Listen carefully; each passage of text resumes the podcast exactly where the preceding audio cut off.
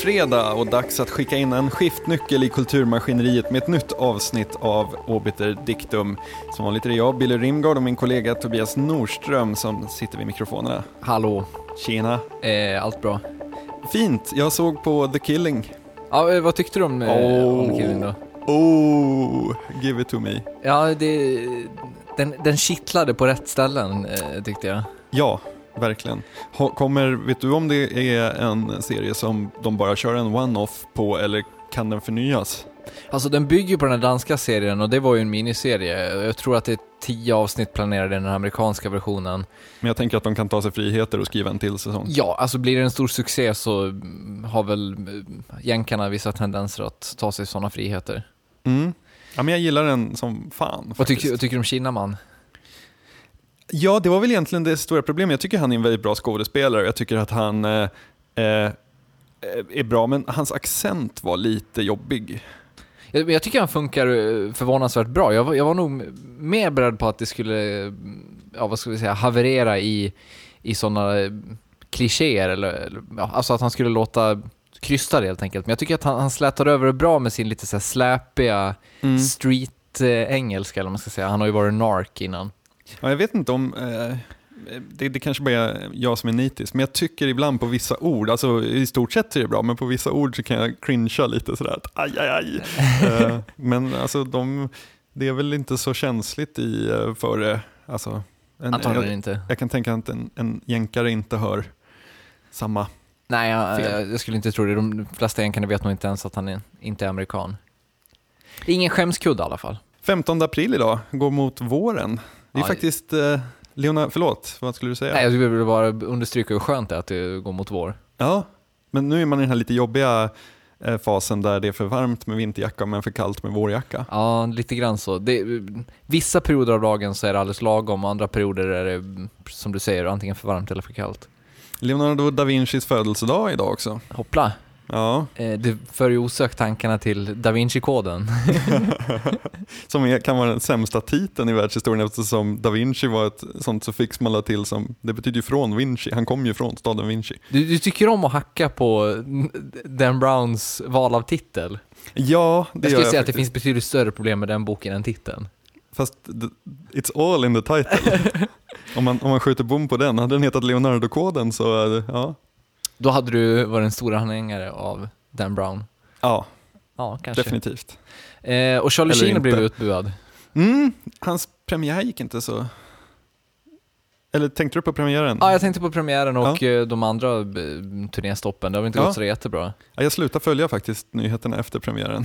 Ja, nej, jag, jag, Det kanske var förra veckan premiären var när jag tänker efter. Tiden går så fort. Oj, var det till och med så? Jag, jag, tänker nog kanske mer jag tänker nog mest på det kanske för att jag läste den där texten som Åsa Linderborg skrev i Aftonbladet om, om Charlie Sheen, om att vi tycker om att följa honom för att vi gillar att vältra oss i mänsklig tragedi.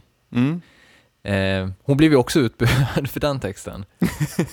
Det är inte lätt att vara människa. Nej, det är inte det. Hon påstod väl bland annat att Two and a half men var en frukt, var den mest välspelade sitcomen eller någonting sånt där. Ja, jo då, så. ja, och att Charlie Sheen hade varit med i Top Gun och lite, ja det var, Ja, just det. det Ja, var lite äpplen och päron där. precis. Hot Shot, Top Gun. Ja, varför inte? Same same.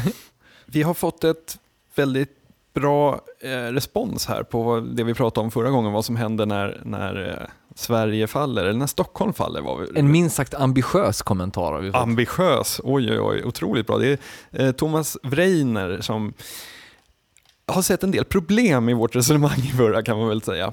Eh, han säger så här bland annat. Eh, katastrof i Stockholm och alla regerings och ledningspersoner är döda. Har det då skett en kupp mot själva regeringen där alla fått smaka på en death squad? Eller är det en större katastrof där det är rätt låg procent av befolkningen kvar? Sen fortsätter han att ställa upp ehm, ytterligare problem. En annan faktor är om katastrofen är en isolerad händelse i Stockholm eller om det är en nationell katastrof. Ehm, Det var väl vi som kanske förutsatte lite grann att om det händer någonting i Stockholm så är det en nationell katastrof. Alltså, han, han leker med en ganska intressant tanke här, så här om, om det inte är en masskatastrof utan att det bara är så här, regeringen som har blivit wackade så kanske det inte händer så mycket. Folk fort, kommer, fortfarande åka till jobbet samma dag men att någon typ av kommitté måste börja planera för nyval. Det är en väldigt kul tanke tycker jag. Det här att så här, ja, whack, där dog regering och riksdag. Mm. Men så här, ja, du vet, jaha, då kör vi vidare. Jo, men det är väl säkert så det skulle bli också, eller? Ja, det, det tror jag. Det tror jag. Antagligen. Jag är mer mm, inne på det här i andra änden med en masskatastrof med några få procent överlevande. Ja. Är, det är då man har det här sköna clean slate-tillståndet. Precis. Jag var på en eh, hälsoundersökning idag och då skulle man fylla i en så här eh, lapp innan där man gav betyg på olika grejer. Alltså så här, hur stressad känner man sig och hur tillfreds är man med livet och hur upplever man sin allmänna hälsotillstånd. Och då så var det på en eh, skala som börjar med mycket dåligt, dåligt, varken bra eller dåligt, bra eller mycket bra. Och jag satt ju bra på många av de där grejerna. Mm. Och den här eh, hälso, jag vet inte, det är väl inte en läkare utan det är väl någon slags eh, företagshälsovårdsgrej. Ehm, han, han var bekymrad över att jag bara satt bra. Och jag var så här, ja men det är bra. Och han, han, han fortsatte och jag var tvungen att avbryta honom och förklara att men jag är musikjournalist, man sätter inte fem av fem. Man Ja. sparar det. Man sparar det till det kommer någonting ännu bättre. Fem av fem, det är eufori. Ja, för han var, så här, han var på mig om det där och vad, vad, vad det var i mitt liv som gjorde att det inte var mycket bra. Och då säger jag, men det finns inget konkret problem, men om jag vinner en miljon imorgon så vill jag inte ha bränt min fem av fem på idag, eller hur? Nej, det är helt, helt, helt rätt. Ja, så då fick jag en liten lektion i hur, man, hur de ska tas, betygssystemen. Ja, men det, det är väl ofta med sådana där undersökningar så känns det som att eh, om det inte är full pott så är det inte riktigt som det ska på något sätt. Ja, Jag kommer ihåg när man gjorde sådana där i skolan så satte jag alltid alla kryss längst till höger bara för att så här, ja, då blev Fucka upp statistiken lite grann. Nej, men då blev det ingen tjafs liksom. Nej, ah, du, ah, så menar du? Ja. Jag trodde det var tvärtom bara för att så här, sänka bollen. Nej, nej, nej. Det kanske inte behöver sänkas i, när det gäller olycksfrekvens. Jag har aldrig köpt de där grejerna om att det, ska vara, om att det skulle vara anonymt. Nej, Så att det, nej, definitivt inte. mm. Och det var mästerskap i Starcraft i Stockholm. Mm. Har du följt någonting? Jag läste någonstans i ett tweet att Aftonbladet slog alla tiders streamrekord på den eh, streamen från en av matcherna. Ja, det var väl trevligt, eller? Ja, Hur, absolut. hur ställer vi oss till e-sport eh, i Riktum? Ja. Jag har ju följt några Counter-Strike-turneringar, men det är för att jag har spelat Counter-Strike själv. Mm. Jag skulle aldrig sätta mig och titta på en Starcraft-turnering eftersom jag inte har spelat Starcraft. Nej. Men, att, men tycker du att det är en, en du, jag såg något lite kort och pratade de om att om några år kommer de visa e-sport på ESPN. alltså, de gör ju det i Sydkorea liksom. Alltså. I Sydkorea så finns det ju så här fredags och lördagsshower som verkligen är så här familjeunderhållning där liksom e-sport är ett inslag. Jo men Sydkorea är lite speciellt spess också. men det känns som På- på möjligt, möjligtvis ISP, ja men det, koreaner, de är väl tokiga. Jag, har inga, jag har inga belägg för att det skulle vara något speciellt med, med Korea, är- förutom att de visar Starcraft på TV. Men, men eh, det känns möjligtvis kanske ESPN 2 eller ESPN 3 eller något sånt där kanske skulle visa något sånt. Annars, annars jag, jag får samma, det här, är en sport eller inte en sport? Jag får lite samma känsla som med schack. Ja, fast schack är klass. Jo, visst, visst det är klass och visst det är en tävling, men sport och sport. Varför måste allt man tävlar i vara en sport? Ja. ja, men det är ju precis som, det här, jag hade många diskussioner med eh, Kim Hartman, snookerkommentator, när jag jobbade på Eurosport om Ja. snooker. Mm. För det var många som liksom hörde av sig och bara, är inte ni en sportkanal eller vad är det här? Ehm, och det är klart att det är ju någon slags tidsfördriv, underhållning, nöje också. Men alltså på, på elitnivå så blir ju allting, eh, ja jag vet inte. Jo, alltså visst, jag, jag är helt med på att jag inte klarar av att göra det de kan, men för mig, för att det ska vara en sport, jag sticker ut hakan och är så konservativ och säger att för att det ska vara en sport så måste det vara en skill som inte bara sitter i huvudet. Du, ja, du menar att det ska vara en fysisk ansträngning? Ja, Det behöver inte vara en ansträngning, men som, eh, vad heter det, eh, the skill måste på något sätt ha att göra med kroppen eh, och inte bara ha att göra med huvudet, så att säga. Hmm. Poker, ingen riktig sport. Bridge, ingen riktig sport. Schack, ingen riktig sport. Fast, fast schack har ju så här, det, det jag gillar med schack, jag, kan, jag är väldigt, väldigt dålig på schack för jag kan inte tänka, jag kan inte tänka långsiktigt. Så att jag, jag prövade att spela när jag var 9-10 år. Katastrofalt dålig. Men det jag gillar med schack, det är dels att det finns en skön Cold War-mystik kring det. Att så här, du vet den bästa från Sovjet och den bästa från USA möts på Island. Ja. Eh, Men sen så älskar jag alla namn så här på Petrovs Defense eller Kings Gambit och alla de här öppningsdragen. Eller, ja. Jag kan Just- bara två schackspelare. Ja, Kasparov och eh, Bobby Fischer. ja, Det är väl, det är väl de som är... ja, definitivt. Men jag gillar ändå så här, nu, vi ska inte prata schack idag, men Nej. det jag, gillar, det jag gillar med schack är att du har ett spel som till synes tänker man så att det finns oändligt antal möjligheter här. Ändå så finns typ alla spelkombinationer har olika namn och det går att så här dissekera och se vart folk är på väg. Så här, ah, han kommer göra det här om 20 drag. Ja. Frågan är, gör det till en sport? Vad är en sport? Maila Ja. oss på kontakt.oddpod.se. Ja, alla våra sportlyssnare kan, eh, kan få tycka till. Men motorsport då? Du tycker inte det heller är sport? Jo, eh, det gör jag. Okej, vi höjer insatsen. Så här Red Bull-flygplan som flyger, mellan, Oh, den är bra. den, den är riktigt bra. Eh, flyger mellan så stolpar och ska samla poäng. Typ. jo, men alltså visst. Jag, jag, jag förstår vad du fiskar efter, men det får, jag får väl lov att vara konsekvent och säga att det är en sport eftersom att det är en, en skill som man ändå behöver kroppen för att göra. Kidditch. Ja, jag håller fast. Ja. Okej, vi, ska vi eh, släppa den här och gå på dagens ämnen? Ja, det är kanske lika bra.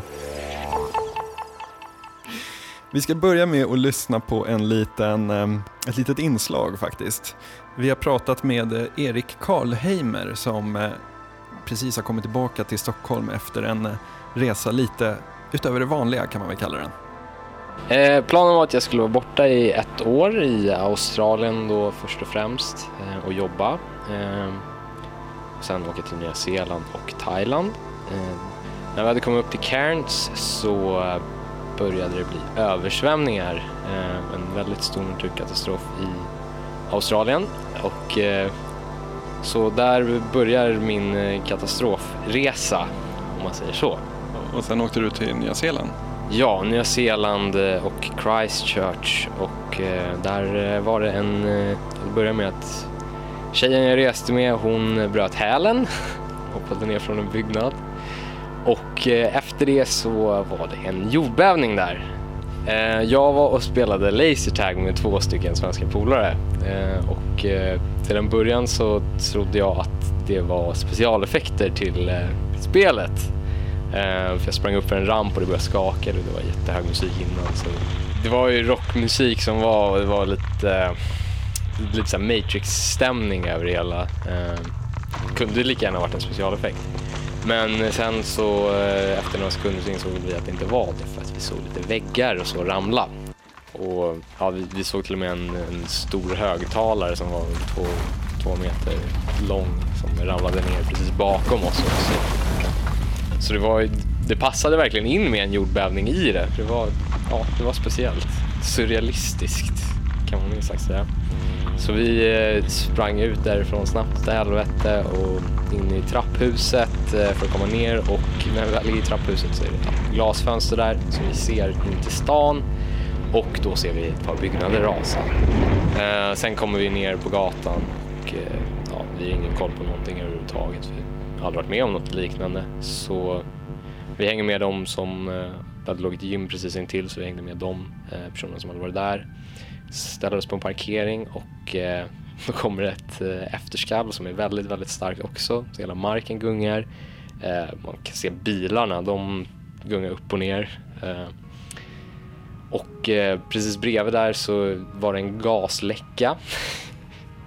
så eh, inga kunde få hämta sina bilar, ja, någonting. Så vi bestämde oss bara för att gå därifrån och på vägen där så ser vi att det är helt galna översvämningar på grund av vattenledningarna. Eh, så vi får gå in i stan igen, vilket inte var speciellt smart. Där är redan lite poliser och så som, eh, som ja, bara försöker få ut alla människor ur byggnader och ja, överallt i princip. Eh, det var total förödelse. Det var helt sjukt att se.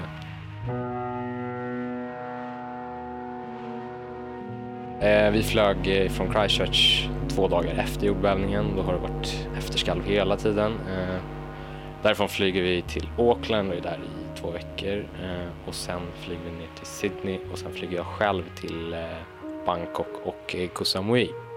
Vad hände där? Där eh, är två dagars sol och sen regnar det konstant. Dagen innan jag skulle åka till, eh, tillbaka till Bangkok så eh, klockan sex på kvällen så går strömmen eh, på hela ön. Eh, så det är helt becksvart. Eh, storm utanför. Vaknar relativt tidigt, åker till flygplatsen och det är total kaos. Jag får berättat för mig att det har varit två cykloner. Eh, planen kan inte landa för att det är så mycket turbulens. Eh, ja, det är väl uppåt tusen personer på flygplatsen och den här flygplatsen är en väldigt, väldigt liten flygplats eh, utan några väggar överhuvudtaget. Så det är små bungalows som står där i princip.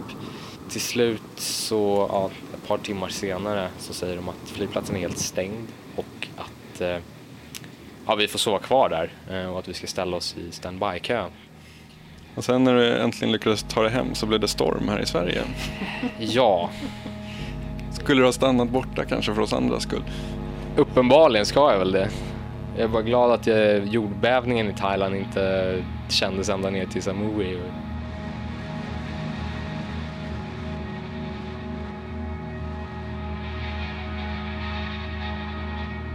Ja, det är ju ett minst sagt spektakulärt sceneri han beskriver där i Christchurch. Jag, t- jag vill direkt fråga dig, tycker du att, kan du känna igen dig i Eriks eh, upplevelse av verkligheten som han beskriver här? Både ja och nej. Jag har aldrig sett något så här riktigt spektakulärt. Eh, jag, alltså, en, alltså bilkrockar är väl- det närmaste man kommer till att se någonting som man så här inte riktigt uppfattar när det händer utan först efteråt förstår på något vis. Mm. Eh, Men jag kan ju definitivt förstå det här att vara inne och spela lasertag och att inte fatta att det är skarpt läge utan att wow, det här var coolt gjort. Men om du ser saker på TV då? Kan du liksom för, en stund eh, reagera som att det inte är på riktigt eller eh, något sånt? Eh,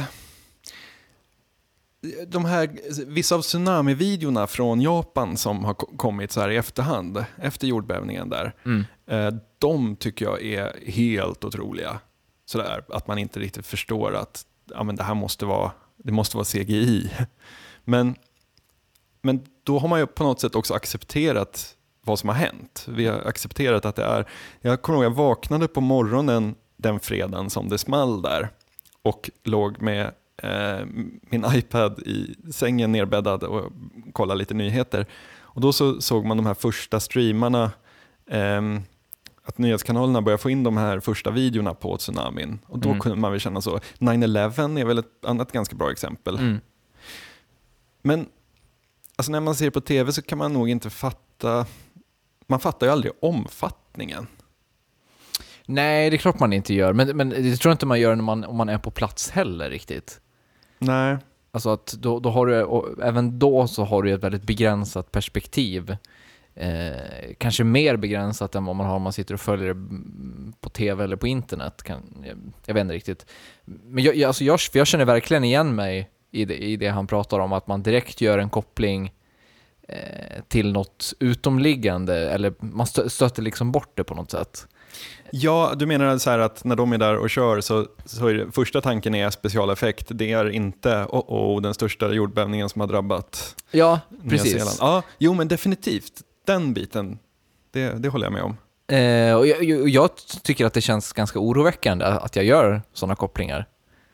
På vilket sätt? Jo, eh, för, för att på, no, på något vis så innebär det att, ehm, eh, att, att på, på något plan så har mina instinkter stängts av. Att, Mm. att liksom det centrat i hjärnan som ska varna vid fara och antingen eh, kicka in den här fly eller fäkta eh, instinkten, den har fuckat ur och eh, Eh, istället så när man står inför faran eller vad det nu är så, så börjar man fundera på om det är på riktigt eller om det är en manipulerad verklighet. Eller, eller, alltså att man istället frågasätter. På, nå- på Det jag något spontant kommer att tänka på när du säger det, det är ju Göteborgsbranden 90, är det 98, 99? Diskoteket där. Diskoteket i Göteborg, precis. När de, någon tar mikrofonen och ropar att det brinner, det brinner, alla måste ut. Varpå så här en stor grupp börjar sjunga We don't need no water, let the motherfucker burn. Ja. Har jag för mig det var. Mm. Det var någon sån där låt med eld. Um, alltså så här, precis som du säger, någon slags instinkt att okej, fara, nu ska jag dra. Den har ersatts av eh, någon slags... Kulturell referens. Ja, definitivt. Och också någon slags så här... Eh, alltså jag, jag vill inte kalla det dumhet, för det är det ju inte, men, men bara så att man tror att det inte är någon fara för en. Ma- man lever i någon slags så perpetual immortality. Ja, men eller hur? Och, och, och jag, alltså, jag, jag tror att det kan, det kan liksom vara så basalt som att om man, om man går tillbaka några hundra år mm, i tiden så är det liksom samma effekt med att man blir mörkrädd av att läsa Edgar Allan Poe. Eh, I vårt fall så blir det istället ännu mer raff- raffinerat med, i och med att vi relaterar verkligheten till ett dataspel eller en film eller någonting sånt där. Göran Mm. Persson sa ju till exempel när 9-11 eh, hade hänt, det, det första han sa i, till media var ju att det är som att se en scen ur en film eller, eller någon, Ja. någonting sånt där. Och det är väldigt talande på, eh, på något vis, att vi, vi kan inte greppa verkligheten på det sättet, så då går vi till de här eh, otroliga scenarierna som inte är verkliga. Ja, men hur, många, hur många refererade till stormen Gudrun som plockepinn? det var ett, kanske ett dåligt exempel i det här fallet, men det var en så här soundbite som alla ifrån liksom kungen till lokala bönder, alla bara plockepinn. Ja, men var, varför tror du vi gör det? Är, det- är det eh, någon slags förfinad variant av flyktinstinkten som sl- slår till? Mm. Väldigt svårt att sätta ord på sådana händelser tror jag. Att folk liksom söker sig till en, en eh, liknelse eller en referens som, som inte är laddad med så många ord, eller med så många känslor. Om man säger att det här är en katastrof, det här kommer förändra vårt sätt att leva och så vidare. och så vidare. Alltså, det, det är ord som man inte riktigt vågar ta i munnen kan jag tänka mig. Men tror du tror att det kan vara så att, att eh, film eller böcker och mm, skil, liksom eskapistiska skildringar av verkligheten, eh, att de har på något sätt förvrängt våra förväntningar på, på, på verkligheten, så att när vi upplever det så kopplar vi snarare till dem än till våra egna erfarenheter? Med tanke på hur du och jag sitter och så här laddar för apokalypsen så är Ja. svaret ja. Man tänker på, man tänker på a- a- alla händelser i ett ja, film, i filmdramaturgi eller som, som en story arc Precis. på något vis. Ja. Det, tror, jag, det tror jag är en av så här ganska vanlig, ehm, jag tror att det kom, ja, jag, jag vet inte, jag vågar inte säga vilken, vilken tidpunkt. Du, du skrev ju en ehm, eh, artikel i senaste numret av eh, Popmani om, om skola. Mm. Eh, hur, hur vi växte upp med den amerikanska skolan. Det är det kommande numret av Popmani, så att spring, Ah. spring ut och köp. Ja. Ehm, just den här amerikanska skolan med, med Beverly Hills och liknande. Ja. vi som började gymnasiet efter att ha sett det, kom vi till gymnasiet med en annan förväntan på vad det skulle innebära att gå i gymnasiet än de som inte hade sett det. Som började i läroverket snarare än... Jo, men jag tror definitivt att det finns radikala skillnader på, eh, på vår syn på ja, samhället i stort, men även sådana så här, vad ska vi säga, marginaliserade saker som skolan. Eh, att, att, vi, att vi har fått en bild av hur det ska vara genom, eh, genom skildringar. Men jag vet inte hur långt man kan gå heller. Alltså det, det har väl alltid funnits skolskildringar som inte motsvarar verkligheten. Jo, men jag tänker så här att man... man alltså no någonting händer. Eh, Den grejen berättas det om fast på ett väldigt förstärkt sätt. Mm. Och de som ska göra den grejen efter att ha läst om det, eller sett om det, eller hört om det på det här förstärkta sättet, de vill överträffa den tidigare generationen, som kanske inte alls var så farliga eller så eh, out of control, utan de var bara eh, Ja, de gjorde bara en grej och sen så blev det uppförstorat romantiserat. Jag tänker så här fotbollshuliganer, typ. Mm. alla stories man hör från 80 och 90-talet, vad som hände då. Eh, om man kommer in som 18-åring och vill så här, studsa upp sig, liksom, eh, du vet, det är inte, det är inte, oh, alltså det är inte bild, alltså det är inte vad som faktiskt hände där, eller det är inte vad som faktiskt hände i skolan tidigare som man mäter sig med, utan man mäter sig med, med en bild av hur det var. Men, det, men då börjar vi nästan komma in på någon slags allmängiltig eh, förståelse av världen som bygger på så här fördomar och förutfattade meningar, alltså i den meningen att man har, har eh, preconceived notions, som det heter på engelska. Jag vet inte om det finns något bra svenskt uttryck för det. Jag tror du sa förutfattade meningar Ja, tidigare. Jo, men förutfattade meningar är så negativt laddat på, på något vis. Ehm, eh, men att, att, att, att vår, vår, hela vår tolkning av världen bygger på eh, en idé om hur världen är snarare än, än, än reella erfarenheter. Mm. Men, men det här ehm, upplevelsen i, i lasertag-spelet där, det som jag kom att tänka på när Erik berättade eh, den här storyn, ehm, det är ju lite att eh, någon slags modeord för dagen, höll jag på att säga. Jag- fumlade efter en bra formulering, för det har ju varit ett modeord för dagen i snart tre, fyra år kanske. Augmented reality-prylen där man med hjälp av teknik ska förstärka alla intryck eh, utifrån. Ehm, eller förstärka, man, man kan lägga till andra saker. Om man, inte vill, om, man, om man inte vill se reklam så kan man ha på sig ett par schyssta glasögon som byter ut alla reklamskyltar mot vattenfall. Typ. Mm. Ehm, det, den grejen är ju också någonting som kommer förändra hu- hur vi ser, liksom, agerar i situationer tror jag. Hur man- Definitivt. Det, det är väl så här första steget mot att vi blir cyborger liksom. ja, Eh, att, att, att vi helt plötsligt inte ens har vår egen syn på verkligheten utan vi har en, en, eh, en teknologiskt manipulerad syn på verkligheten. Det är lockande på, på ena sättet och det är ju extremt, vad ska vi säga, skrämmande på ett annat sätt. För att, du, för att du, du, du minskar ju ner den här instinktsgrejen som jag pratade om ännu mer då helt plötsligt. Ja, och fram, jag läste, jag ska se om jag kan googla fram den artikeln. Jag har inte gjort det inför så jag är osäker på om jag kan hitta den så därför blir källkritiken jävligt dålig på den här. Men eh, jag läste om en, forskare på MIT som hade hållit på och de har byggt ett par glasögon som hade små, små kameror på insidan som kunde projicera saker på näthinnan. Ehm, och de hade hållit på att fippla runt med det där och så testat att göra just sådana här smarta prylar som att liksom, okej du gillar inte färgen svart, nej men då byter vi ut alla svarta färger mot rött istället i landskapet och du vet, ja, börjat jobba med den där smarta. Ända tills det var någon som tänkte att, hmm, vänta nu, jag vill gå i en domvärld och liksom satt in så här domtexturer i det där. Och det var ju en så här avancerad kyld sak, det var ju en så här stor backpack man hade med maskineriet för det här för att de har inte lyckats få ner det i små um, i små, små doser, eller i mindre byggsatser ännu. Och då hade de gjort något fel, så det var en snubbe som höll på att bli överkörd när han gick på campus i domvärlden och bara så här, wow vad coolt med domtexturer på alla väggar och så kommer det någon så bil liksom som han går För, rakt för det finns inga bilar i Doom, så Nej, då, är det de, där, de hade ju missat att de skulle ta hänsyn till sådana rörande objekt.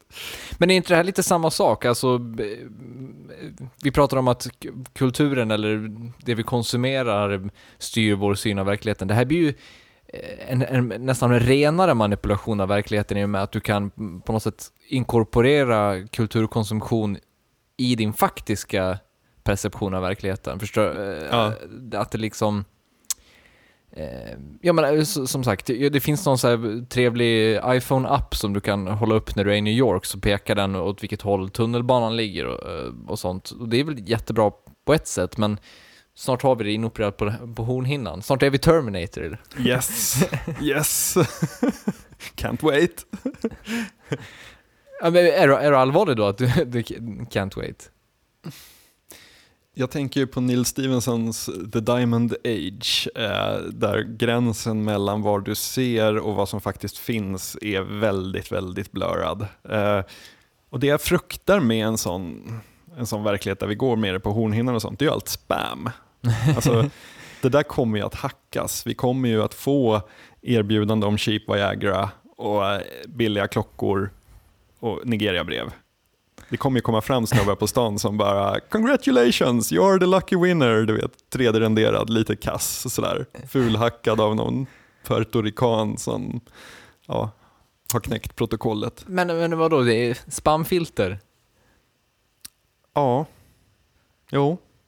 Fast spamfilter, sen så, sen så typ pröjsar Aftonbladet Ja. för att liksom eh, få tillgång till det där nätverket och sen så ser vi deras chockrubriker i varenda gathörn. Liksom. Det är, väl, det är väl där den stora faran ligger på något sätt. Att, ja, att antingen eh, företag eh, eller att, att det är marknaden som styr mm, vad vi ser istället då, vilket du, kan kanske argumentera för att det redan är så, men här blir det ju än mer explicit på något sätt. Mm.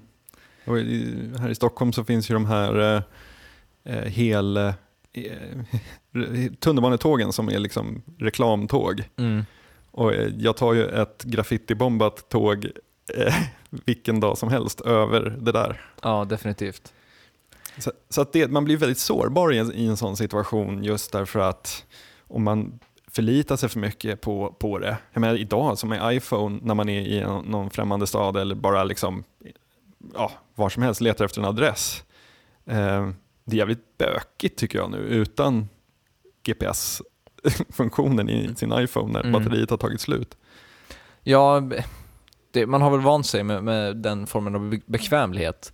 Och, och människan har väl vissa tendenser att lätt bli ganska apatisk eh, och anpassa oss till teknologin på det sättet. Och det skulle väl kunna leda till samma sak med augmented reality också, känns det som. Amerikanska federala polisen FBI har startat en webbtjänst som heter The Vault där de släpper dokument om olika utredningar. Först ut var Notorious B.I.G.s utredning, eller först ut och först ut, det var den första som var sådär hög, högprofilerad där man kunde läsa då om eh, vad som hände när Biggie blev nedskjuten utanför en klubb i Los Angeles. Men nu så har de släppt dokument från Roswell-kraschen. Och Roswell-kraschen var ju alltså eh, Roswell, New Mexico 1947 där eh, en tidning rapporterade att eh, flygvapnet hade fångat en flying saucer on ranch in Roswell region. Och detta efter att eh, flygvapnet hade gått ut och kungjort detta. Dagen efter så skulle de ha en presskonferens men då blev det snabbt ändrat till att det var en väderballong. Och nu har FBI då släppt eh, dokument från den här utredningen. Och, och, eller egentligen, det är inte solklart att det är just den här eh, utredningen. Utan de, de skriver om tre kroppar med mänsklig form och de nämner New Mexico i det här, vilket har fått alla att anta att det är Roswell. Lagom vagt, lagom oklart för att ganska många frågetecken ska kvarstå ändå tycker jag. Definitivt. Och det, det är väl kanske tanken med, med, med det här dokumentan- dokumentet. Mm. Du, du tror att någon har så här, suttit och grävt i gömmen och bara mm, mumma. Lite grann så, men det, för det, det, det gynnar ju onekligen konspirationsteoretikerna, det, det här dokumentet. Eh, vi, tidigare, jag tror vi nämnde någon podcast förut med- att eh, det här om hur USAs förmåga att hemligstämpla ungefär 50% av dokumenten som innehåller olika sanningar, hur det leder till ett väldigt välmående konspirationscommunity i just USA. Mm. I och med att det finns den här, eh, den här grejen med att regeringen, eller staten, de facto undanhåller saker från folket. Så det öppnar, öppnar liksom upp för att ifrågasätta och ja, se konspirationer överallt kanske. Det jag tycker är lite klurigt, jag har läst, jag, jag kunde faktiskt inte så mycket om Roswell innan för att jag har känt att ja, men det är lite så här, det är lite Disney World av konspirationer. Ja. Ja, det känns ganska så tråkigt. Det har byggts upp en stor stad kring det där och det ju, Discovery har väl gjort en miljard dokumentärer om den. Ehm, så att jag, jag, jag har aldrig engagerat mig särskilt mycket i det där, men när jag läste på lite nu så eh, insåg jag att när, när flygvapnet sa att det var en väderballong och höll den här presskonferensen, efter det så dog det där ut ganska fort och blev tyst om det. Det var inte förrän 1980 som Oj liksom, det kom vittnesmål från folk som hade varit med och det där blossade upp och fick det här fästet.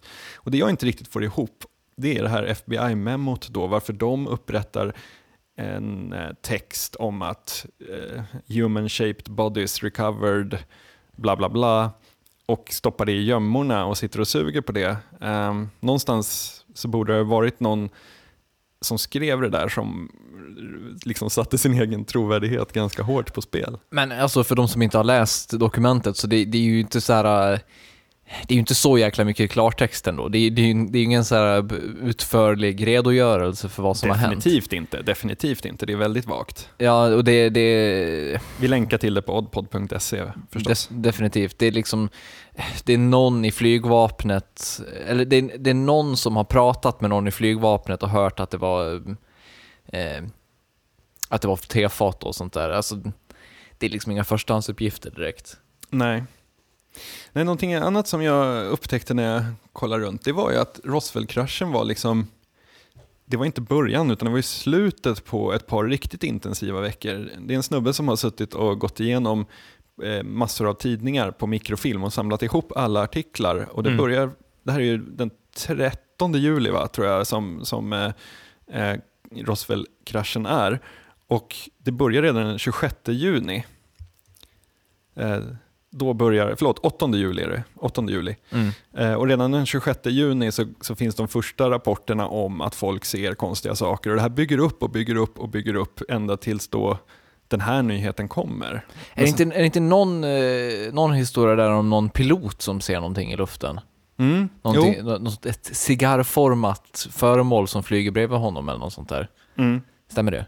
Ja, jag är osäker på om det, alltså de som jag har ögnat igenom här, Ja. eh, det är främst folk, alltså det är local law enforcement och eh, folk som bor där så att säga, som, som vittnar då till tidningen om vad de har sett. Mm. Och det är ju lite klurigt. Ehm, men det finns ju många så här.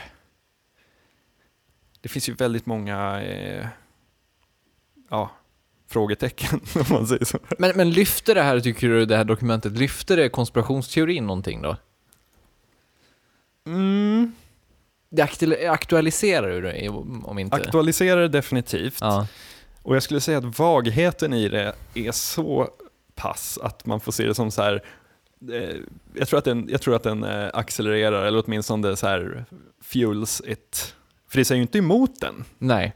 Det, Det, det, det, är väl det som är lite poängen, att, ja. eh, att det, konspirationen lever vidare i och med att vi får, eh, inte ens här får hela sanningen, utan vi får någon slags halvsanning här med. Mm, verkligen. Ja. Vad är din personliga take på, på eh, ufos i allmänhet?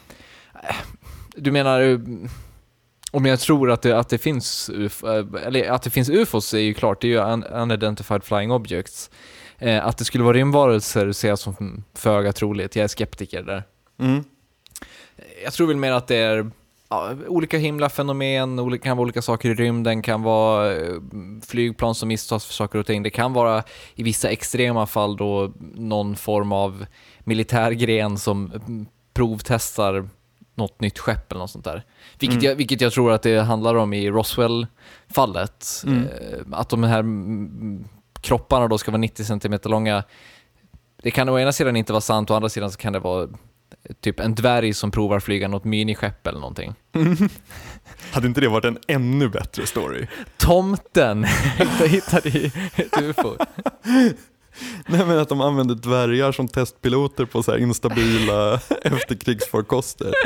Åh, vilken bra story. Ja, jag tänkte först att det skulle kunna vara barn, men det, det känns för makabert och barn är inte lika tekniska heller. De har, inte, Nej. de har inte motoriken som behövs. Precis, de har inte förståelsen för inflygningsvinklar och luftmotstånd. Nej. Men det var då det, om, om de nu testar något sånt här äh, riktigt jävla high concept-skepp som ingen har sett. Alltså vi, vi kan, det kan väl vara någon sån här urfaders prototyp till stealthflygaren eller något sånt. Mm. Eh, man testar en sån, den, skeppet är jättelitet så man får lov att träna någon dvärg. Det är väl inte otroligt att amerikanska armén skulle kunna specialträna en dvärg, eller tre dvärgar, är väl, vad heter det, för att göra det, eller? Nej, det tror jag inte. Det tror jag inte. Men buggen i systemet för min del, just när det gäller om vi pratar här, just där 46, 47, 48, Ja, alla sightings där. Den stora buggen för mig är att det bara sker kring så här topphemliga militära anläggningar. ja. Det är någonting som inte stämmer där. Varför skulle de hänga där? Ja, men och sen, det, väl, det, det säger väl sig självt då att det är militären som gör någon form av provgrejer, eller? Ja, det, det känns som det. Du behöver inte vara Einstein för det. För att, jag menar, det, att steget du måste ta för att dra den slutsatsen är ju så mycket mindre än steget du måste ta för att säga att det är små gröna män som spionerar på ja, den amerikanska militären. Ja, då, de upptäckte ju att vi var nära atombomben, det var ju då de kom. Innan hade de ju hållit sig borta. Ja. I want to believe. ja.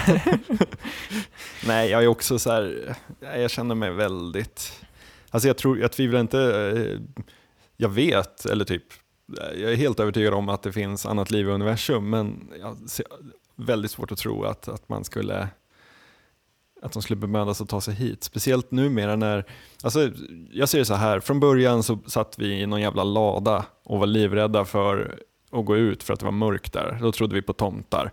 Sen hade vi lyst upp trädgården och då var vi livrädda för liksom vad som fanns på himlen. Men nu har vi ju lyst upp himlen också med Hubble-teleskop och allt möjligt.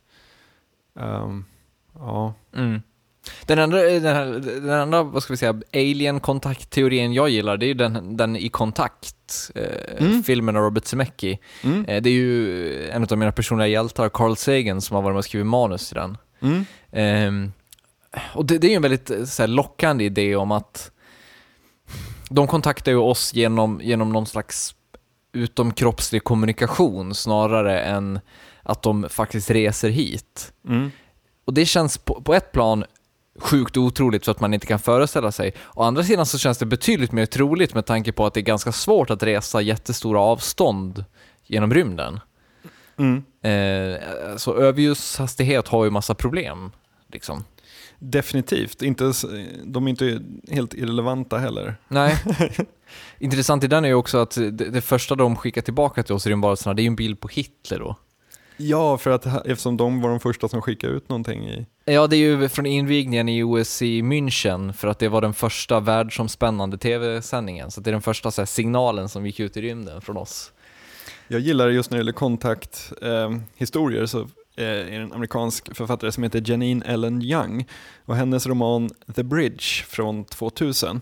Eh, fantastisk, eh, väldigt, väldigt bra upplägg, nämligen eh, utomjordingarna som kommunicerar genom bakterier och virus. Alltså det är deras sätt att här, överföra information, vilket är liksom plausible.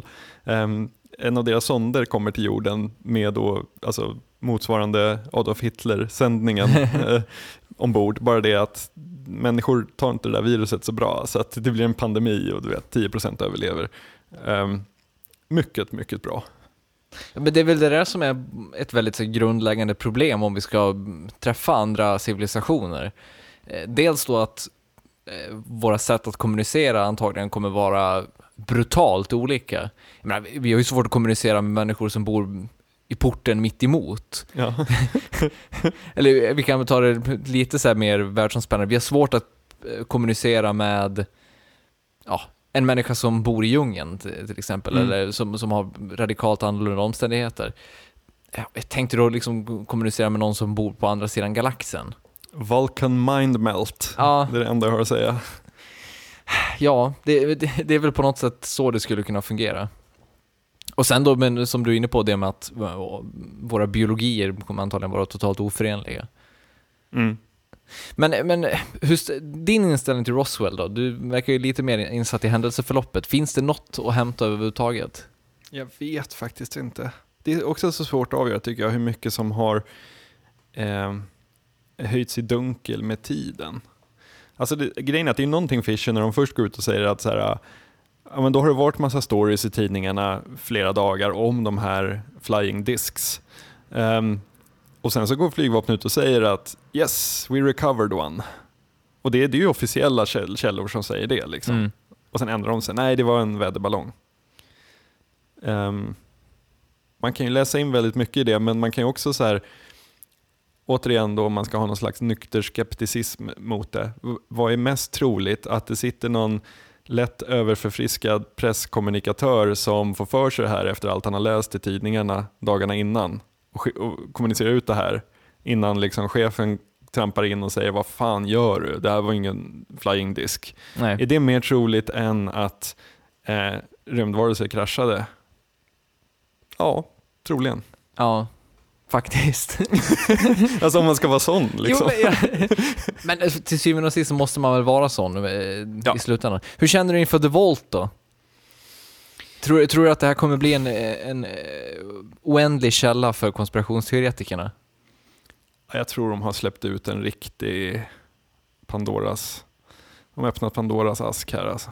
Alltså jag tror ju att, eh, jag är inne, helt inne på att, att The Vault kommer fortsätta läcka sådana här halvsanningar som bara, eh, som bara gör saker och ting ännu dunklare. Men det finns ju en agenda någonstans där. Exakt, det, det finns en man, man behind the curtain här som, som, som spelar eh, oss och kanske framförallt amerikanska konspirationsteoretiker rätt i händerna. Eller han, han, spelar, han, han lurar oss totalt, eller de lurar oss totalt.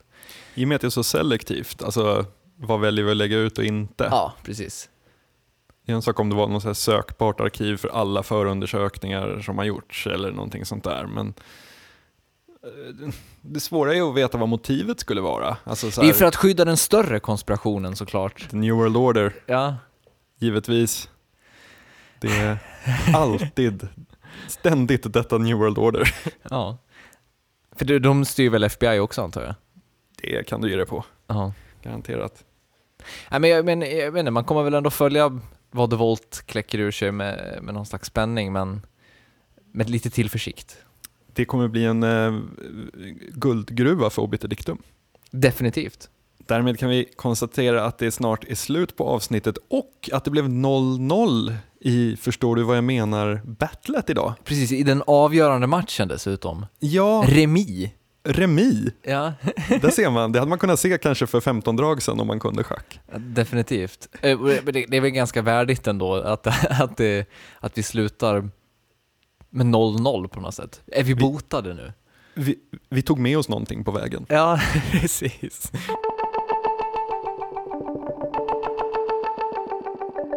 Och därmed så är vi framme vid slutet av veckans avsnitt och som vanligt postskriptum. Eh, och jag tänkte faktiskt tipsa om en av historierna i det senaste avsnittet av podcasten This American Life som handlar om en ensam indian.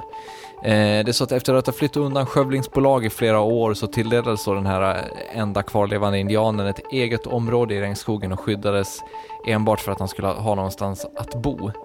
Eh, I det här reportaget så möter de folk som har försökt få kontakt med den indianen men han är väldigt så här, fientligt inställd till människor överlag av förklarliga skäl. Så att de bestämmer sig då liksom att vi lämnar honom i fred och det visar sig vara rätt väg att gå. Eh, avsnittet finns då tillgängligt gratis på This American Lifes hemsida men bara till på söndag så att skynda att ladda ner. Och jag tänkte tipsa om eh, en, ett album med den svenska eh, rb killen är det väl? Det är väl, ja, ja, New Kid heter han. Eh, han har släppt sitt album Alexander Ferrer Jr. Och New Kid har jag lyssnat på i typ en månad och kan inte sluta för det är så jävla, jävla bra. Precis den supersvängiga, eh, väldigt stora pop rb som Sverige alltid har saknat. Trevligt. Mm.